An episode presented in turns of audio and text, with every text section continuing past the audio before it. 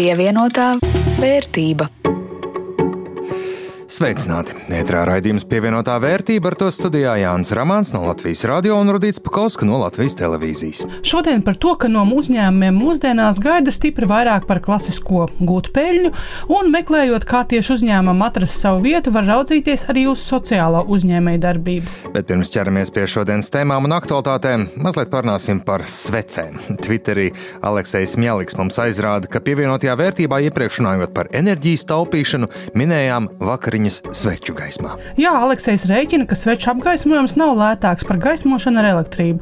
Nu, kā viņš lēš 6 stundas ar LED gaismekli izmaksātu no ap 2,5 centiem, bet no apmēram 6 stundas degoša sveca maksā ap 30 centiem. Tie, protams, nebūtu sociālajie tīkli, ja tūlīt nesāktos plaša diskusija, vai šādi var rēķināt izmaksas un vai var salīdzināt, bet nu jāpiekrīt noteikti steigt uz veikalu un pirkt sveces apgaismošanai, lai ietaupītu gandrīz simtprocentīgi nestrādās.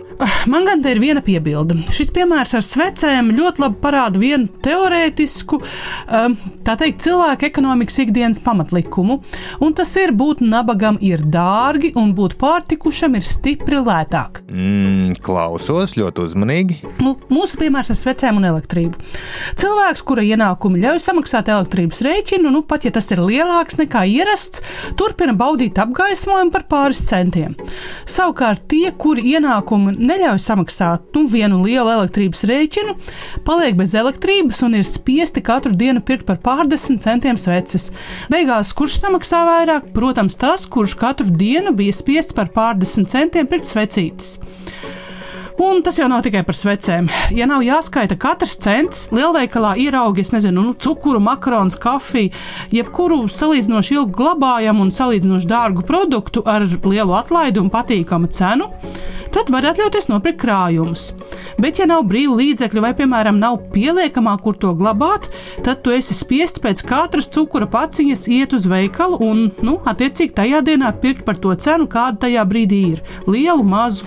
Jā, līdzīgi ar aizdevumu procentiem, ja tavā kontā grozās lielāki līdzekļi, nav problēma, lūdzu aizdevums, bet, ja konts pēc algas dienas jau pāris stundu laikā tukšs pa nulēm, neko nepadarīsi, jādodas vien pie nebanku aizdevējiem, vai tikpat labi tā pati obligātā civiltiesiskā apdrošināšana - 3 mēneši 25 eiro gadam 78. Ja ir tie 78 eiro, tad izvēle visai skaidra un lētāka. Nu, un tad pēc tam, ņemot hipotekāro kredītu, ir dzirdēts, ka nāks taisnoties. Nu, kādēļ gan šāda veida kredīti ir ņemti vispār? Uh, arī procentu likmes bieži vien soda nabadzību. Labiem, turīgiem klientiem nu lūdzu mūsu īpašā un draudzīgā procentu likme. Pārējiem nu arī īpaša un draudzīga procentu likme, bet nu stipri vien augstāka nekā pirmajiem. Nu, labi, tur ir arī sava loģika. Procentu likmes atspoguļo to, jo riskantāks aizdevums, jo lielāka procentu. Un, ja ienākumi ir mazāki, tad visai ticams, ka risks neatmaksāt kredītu ir lielāks. Protams, ka tur ir biznesa loģika, bet tik un tā mums visiem ir vērts padomāt, vai maksājot mazāk, mēs beigās nesamaksājam vairāk. Pievienotā vērtība. Par aktuālo, nu, jāsāk vien ar degvielas cenām. Tās pēdējā laikā kļuva patīkamākas, un tāda arī viss patīkamums izbija. Jau pirms nedēļas teicām, ka pasaules naftas kartels vienojies samazināt naftas ieguvi, lai noturētu cenas augstas. Un kā redzam, tas lieliski strādā. Pagaidām pietiek pat tikai ar paziņojumu, lai mēs visi par litru degvielas maksātu jau vairāk, vairāk nekā 10 centus dārgāk nekā pirms nedēļas diezgan daudz jaunumu pēdējā laikā par valsts finansēm. Tā teikt, vēlēšanas aiz muguras var atbildīgās iestādes mazliet runāt atklātāk. Nākamā gada budžets, par ko gan lems jaunā sājuma, ir šobrīd plānots teju 10 miljārdu eiro. Starpības starp ienākumiem un izdevumiem - 3,3% deficīts. Un tieši valsts parāda apjoms nākotnē visticamāk raisīs galvas sāpes. Finanšu ministra padomnieks Inns Dalders brīdina, ka tuvāko 4-5 gadu laikā būs jāpārfinansē diezgan ievērojams valsts parāda apjoms, Runa ir par vairākiem miljardiem eiro. Tie, kam pašiem ir kredīti, droši vien sapratīs šo sāpi, jo kredīta procentu likmes aug ne tikai privātpersonām un uzņēmējiem. Vairāk par kredītu procentos jāmaksā arī valstīm. Un arī inflācijas skar valsts finanses un plānus sāk jau parādīties runas, ka visiem pasākumiem un iecerēm, kam bija paredzēta Covid pandēmijas ekonomikas atkopšanās nauda, varētu nepietikt. Pirmā nauda fiziski jau ieripojas Latvijas kontā - 201 miljonus eiro, bet kopumā mums būs turpmākajos gados pieejama pieejami 1,8 miljārdu eiro investīcijām energoefektivitātē, valsts pārvaldes digitalizācijai, autoceļiem un dzelzceļiem. Naudas apjoms jau paliek tas pats, bet šobrīd ir skaidrs, ka ar to tagad varēs izdarīt par 20% jeb inflācijas procentu mazāk nekā pirms gada, un par šo varbūt galva sāpēs jaunajam enerģētikas un zaļo lietu ministram, par kuru runā slēdzam derības, būs tāds enerģētikas un zaļo lietu ministrs jaunajā valdībā. Einu sazinu, vai šādu ministriju uztaisīs, bet man to izdzirdot, pirmā doma bija, ak, Dievs, tā nu gan būs viena ministrija, kurā saticēs tik milzīgas naudas upes. Nu, jo parāda man, kurš Eiropas Savienības projekts vai finansējums šobrīd ir bez enerģētikas vai zaļā aspekta. Varbūt, lai tad godīgi sauc par zaļo eiro ministriju. Aha, jā, jā, protams, kā tur tiec, tā uzreiz uz zaļa zara un visi draugi. Uh, varbūt ierosināsim šai ministrijai arī moto: viena vieta uz zaļā zara vēl brīva. Bet nu nedaudz par uzņēmējdarbības nākotni. Par taupīšanu, krīzi, energoresursiem, inflāciju un patērētāju paradumu maiņu? Nē, šoreiz nē. Šoreiz par virzienu, kurā arvien biežāk dodas cilvēki ar uzņēmēju spējām, ideju un talantu. Par sociālo uzņēmējdarbību. Jau trešo gadu īpašā nedēļā diskutē un atrāda paveikto sociālajā uzņēmējdarbībā.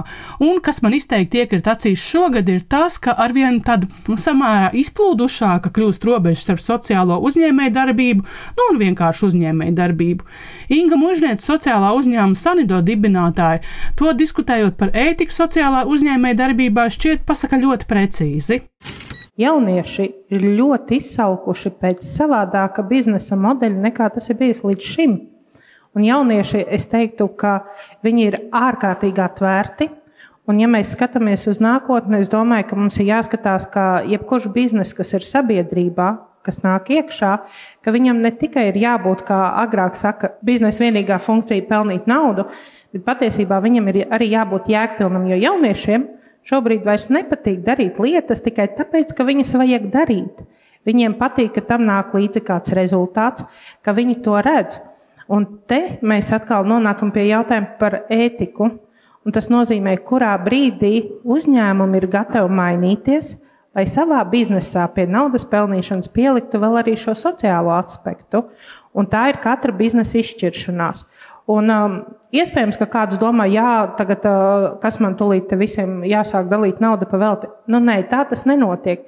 Bet, uh, ja mēs iedomātos, ka ja no visiem uzņēmumiem katrs darbā pieņemtu tikai vienu cilvēku ar invaliditāti, mēs būtu nosaguši visu darba tirgu. Bet tikai vienu, un pat tas nav daudz.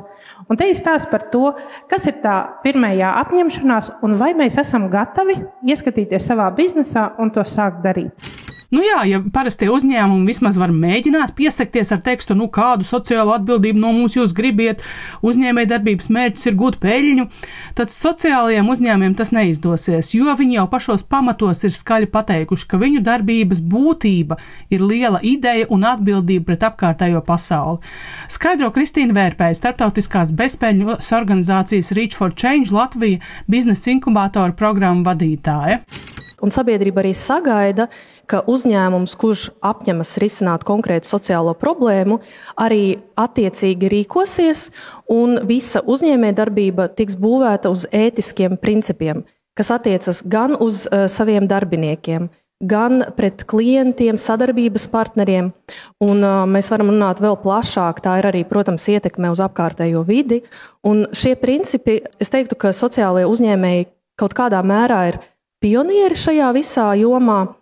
Bet šie principi tiks sagaidīti arī no tradicionālā biznesa. Jau šobrīd mēs redzam, ka ir šie uzstādījumi no Eiropas Savienības puses, ka ir jāatskaitās par to, kāda ir ietekme gan uz uh, sociālo jomu, gan uz uh, apkārtējo vidi.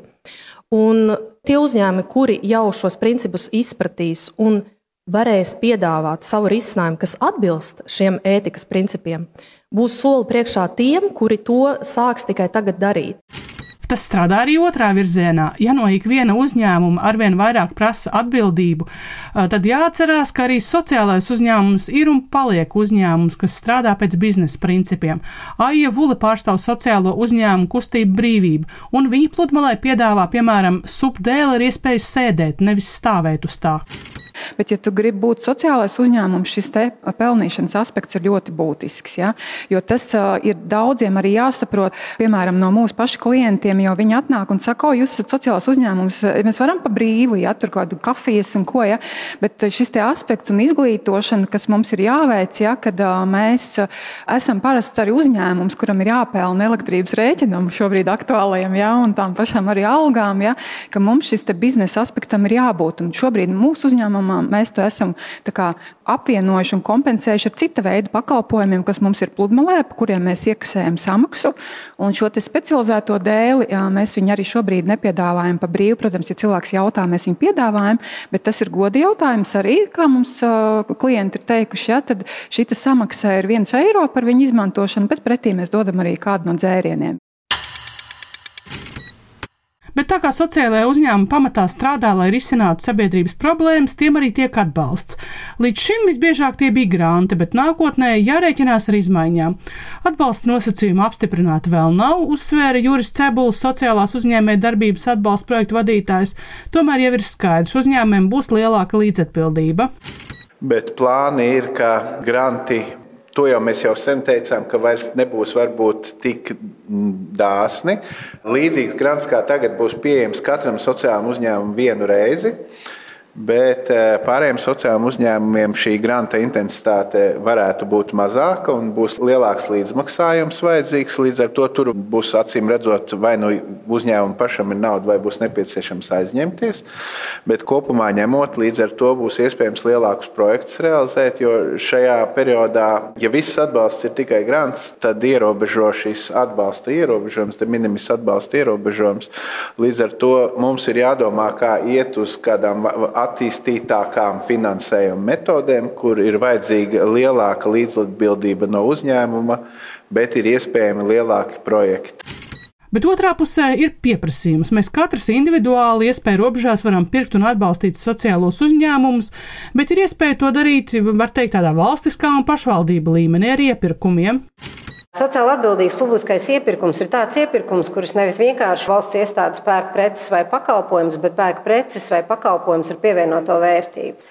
Un, uh, mums ir bijis Latvijā viens tāds īstenis sociāli atbildīgs publiskais iepirkums Ogrē, kur tieši pašvaldība pateica, ka mēs labprāt gribētu iepirkt pakalpojumu, kur vienlaicīgi šī pakalpojuma izpildē tiktu nodarbinātas noteiktas mērķu grupas. Tā stāsta Agnēs Friedenberga, providus vadošā pētniece. Iespēja veidot šādus iepirkumus ir jau vairākus gadus. Un, ja runā par ogres iepirkumu, sākotnēji esat bijušas bažas, vai vispār būs interesi kādam šajā iepirkumā piedalīties.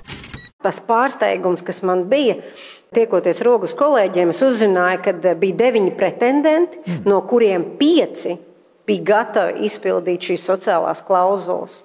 Respektīvi, nav tā, ka uzņēmēji baidās nu, no kaut kā šāda ir piedāvājums. Bet mums ir jāaudzē pieprasījums. Un tas pieprasījuma puses tas nozīmē, ka mums ir jāaudzē spēja valsts pārvaldē saprast, ka izkāpjam ārā no tā lētākā iepirkuma, kurpēm tā visvieglākā iepirkuma, protams, bet paskatāmies plašāk, paskatāmies, nu, lai tie līdzekļi tiek izmantot daudz jēgpilnāk pievienotā vērtība. Bet pēdējās pievienotās vērtības minūtēs, kā ierasts par notikumiem Baltijas biržā aizītā nedēļa, salīdzinoši rāma. Kāpums Viļņā tiesa ļoti, ļoti neliels - 0,04%. Par to kritums Rīgā un Tallinā. Tallinā straujākais - 1,12% samazinājums, bet Rīgā - 4% kritums. Kritums arī aizdītās nedēļas tirgotākajām akcijām Benefit Green nedēļas laikā darījumi par 1,6 miljoniem eiro akciju cenai teju 2% kritums. Kritums arī otrai tirgotākajai akcijai Ignitis grupa tur samazinājums lielāks - 3,46% mīnusā. Trešajā vietā Šauļa banka, kurus akciju cena aizdītā nedēļā pieauga gandrīz par procentu procentu. Jā, nu pieaugums arī mana portfeļa vērtībai, salīdzinot ar iepriekšējo nedēļu, veseli 40 centi plusā. Un šobrīd mani sākotnēji ieguldītie 300 eiro ir 392 eiro un 55 centus vērti.